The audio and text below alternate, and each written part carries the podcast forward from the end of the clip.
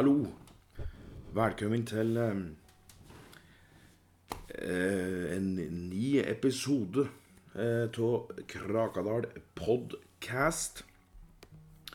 Eh, podcast eh, Ja, det er et eh, merkelig navn. Eh, jeg må innrømme det. Eh, ja. Eh, jeg skal ikke preke så mye om eh, det, merker. I det hele tatt. Det skal ikke handle om noe like rare ord.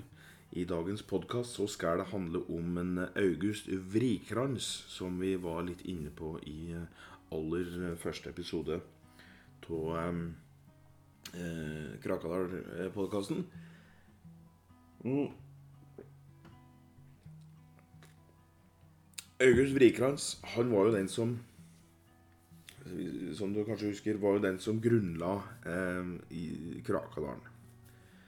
Eh, han ble født i 1491. Og så døde han altså 15, eh, i 1578. Han ble født i ei grotte inne på, inne på Marsfjellet i Sverige.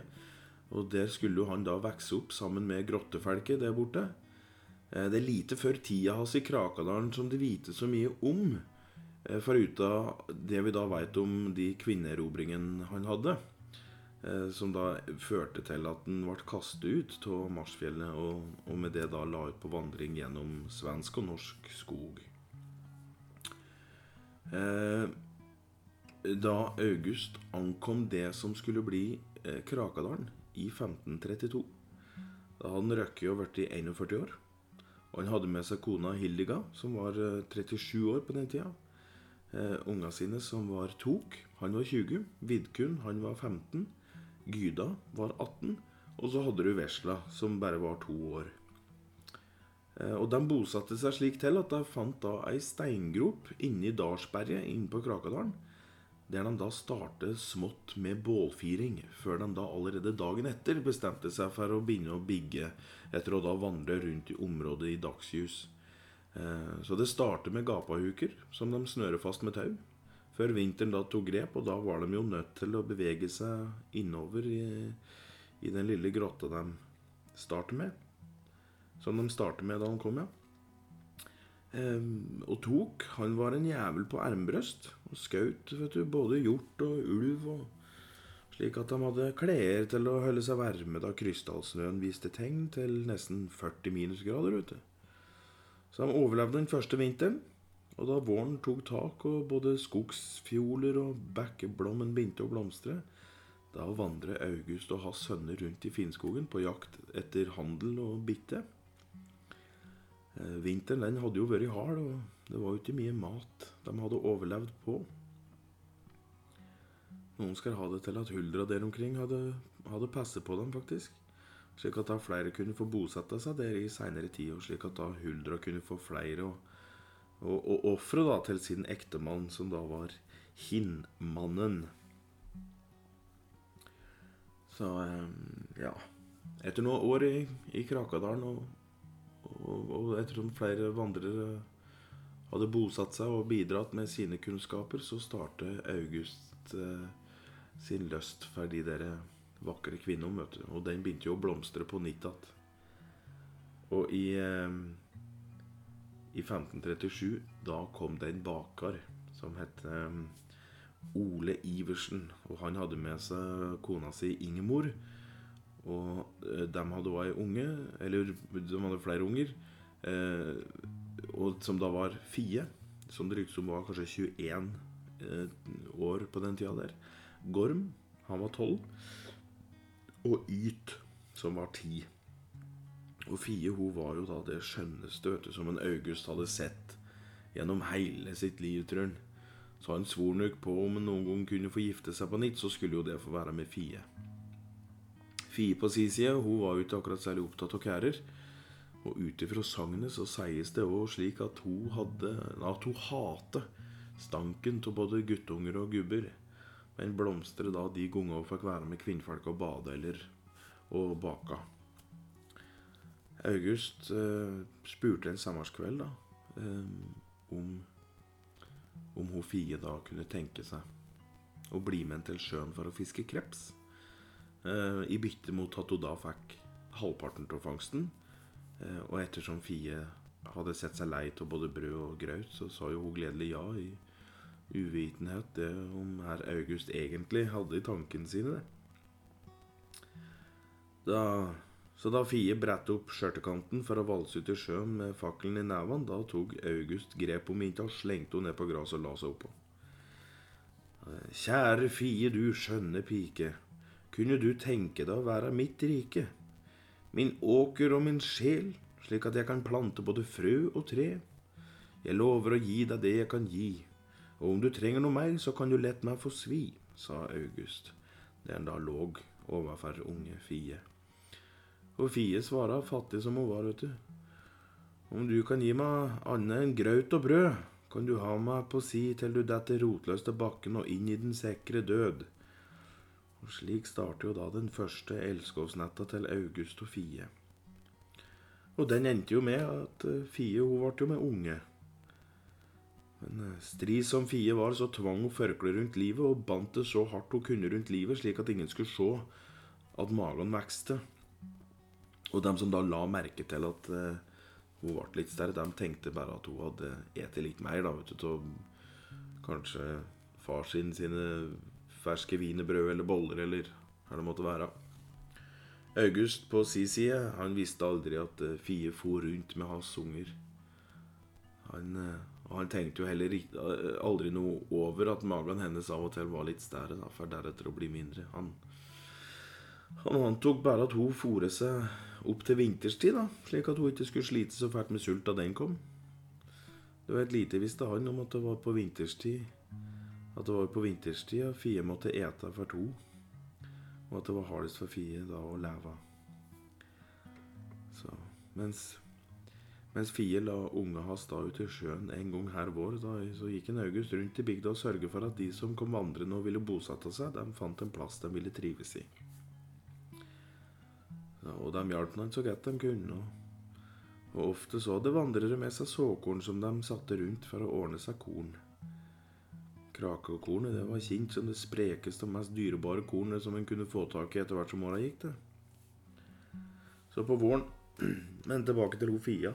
For på våren i 1541 da hadde jo Fie vært ute eh, ved Krakadammen da for å føde det siste ungen. Og eh, som vi prata på i, i forrige episode, så var jo dette her Så var jo dette den gangen Fie sjøl var nødt til å bøte med livet. Men eh, det er jo utrolig eh, interessant at det er eh, sønnen til August, altså Tok, som finner Fie og den skrikende ungen. Så det han gjorde, han bar da Fie ut til sjøen, og så lot hun synke ned til sine areunger. Og tjorde stein rundt livet på, og, og, og, så hun sank. Før han da tok fatt på det som var hans egen bror, uh, uten at han egentlig sjøl visste det. da. Eh, så mens resten av bygda så ut til å være klar over at Fie faktisk var borte, så gikk jo August Han gikk her natt rundt i bygda og rundt i skogen på jakt etter Fie.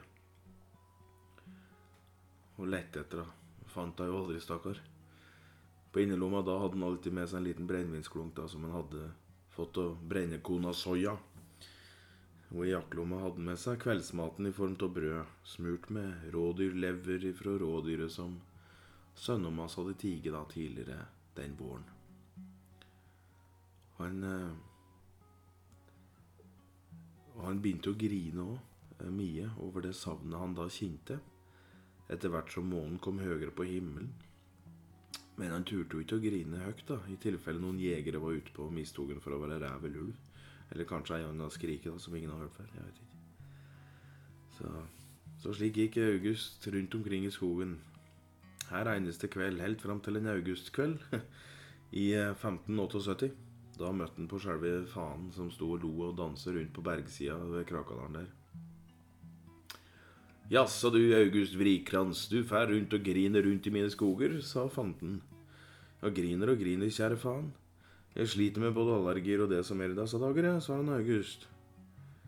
Og I 27 år har jeg hørt på denne forbanna sippinga og tutinga di, men nå erker nuk ikke mer, kjære venn. Du har lidd lenge, og du har lidd nukk. Det er på tide å gi deg den ro du fortjener til slutt. Ja, hva mener du med det? spurte August da.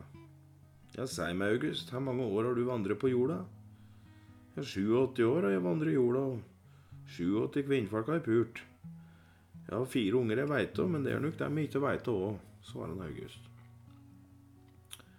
Og da sa fanden det, at eh, August Kvinnebordårer, du har vandret langt og lenge nå, men nå er det nok slutt. Med meg skal du felge til helvetesporten, og der skal du rives fra både kukk og hugu, og så kan du Og så kan de kjerring sitte aleine att i stugu.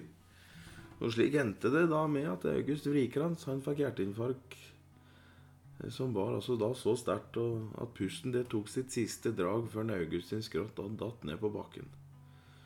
Og det sies at eh, fire stjerner eh, drog over himmelen den kvelden.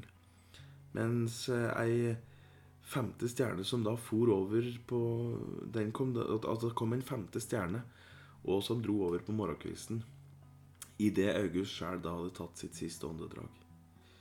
Og I seinere tider, da trollkjerringa Mariemor kom til bygda, så, så sang hun alltid da det var stjerneskudd i, i flertall på himmelen.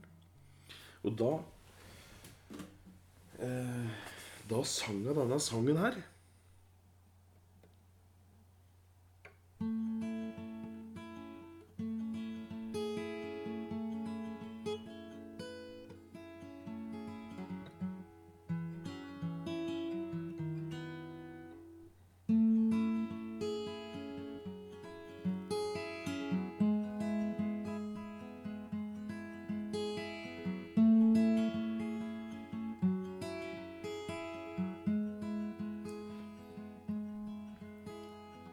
Så reiste Fie og August over himmelkald.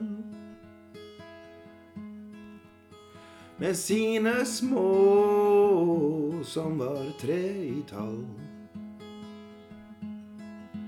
Da kan vi hvile, og da kan vi så, slik kattepusen maler, den ligger grå. Og puken står nukk, og så gliser bredt. Men ingen veit det sikkert, for han har jo ingen sett. Trøsten finner vi hos vår kjære nabo. Vi skåler for livet og for skogens ro. Vi skåler for livet og for skogens ro. Vi skåler for livet og for skogens ro. Oh.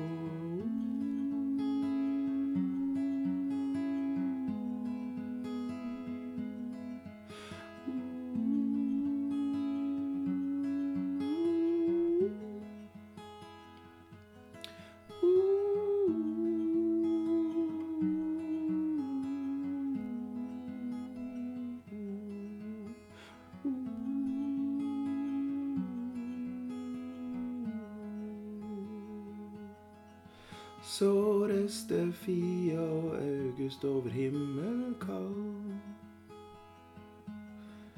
Med sine små som var tre i tall.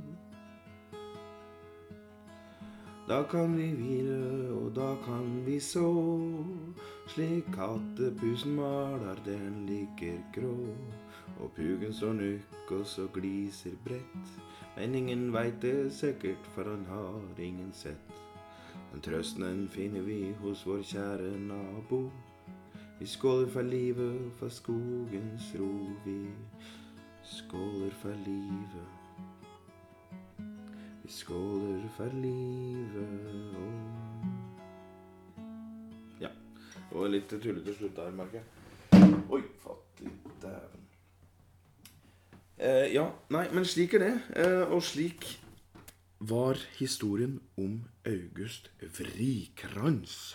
Grunnlegger eh, tå eh, eh, Krakadalen. Så eh, neste episode, da tenker jeg du skal få høre om et eh, ektepar som heter eller om, om, som, altså, om ekteparet som eh, Eh, De heter Else og Reidar Svarverhaugen. Og det er en eh, artig historie, kan jeg love deg. Så det er bare å glede seg, glede seg til neste, neste Krakadal-pod. Mm, ha en kjempebra eh, kveld. Ha det bra.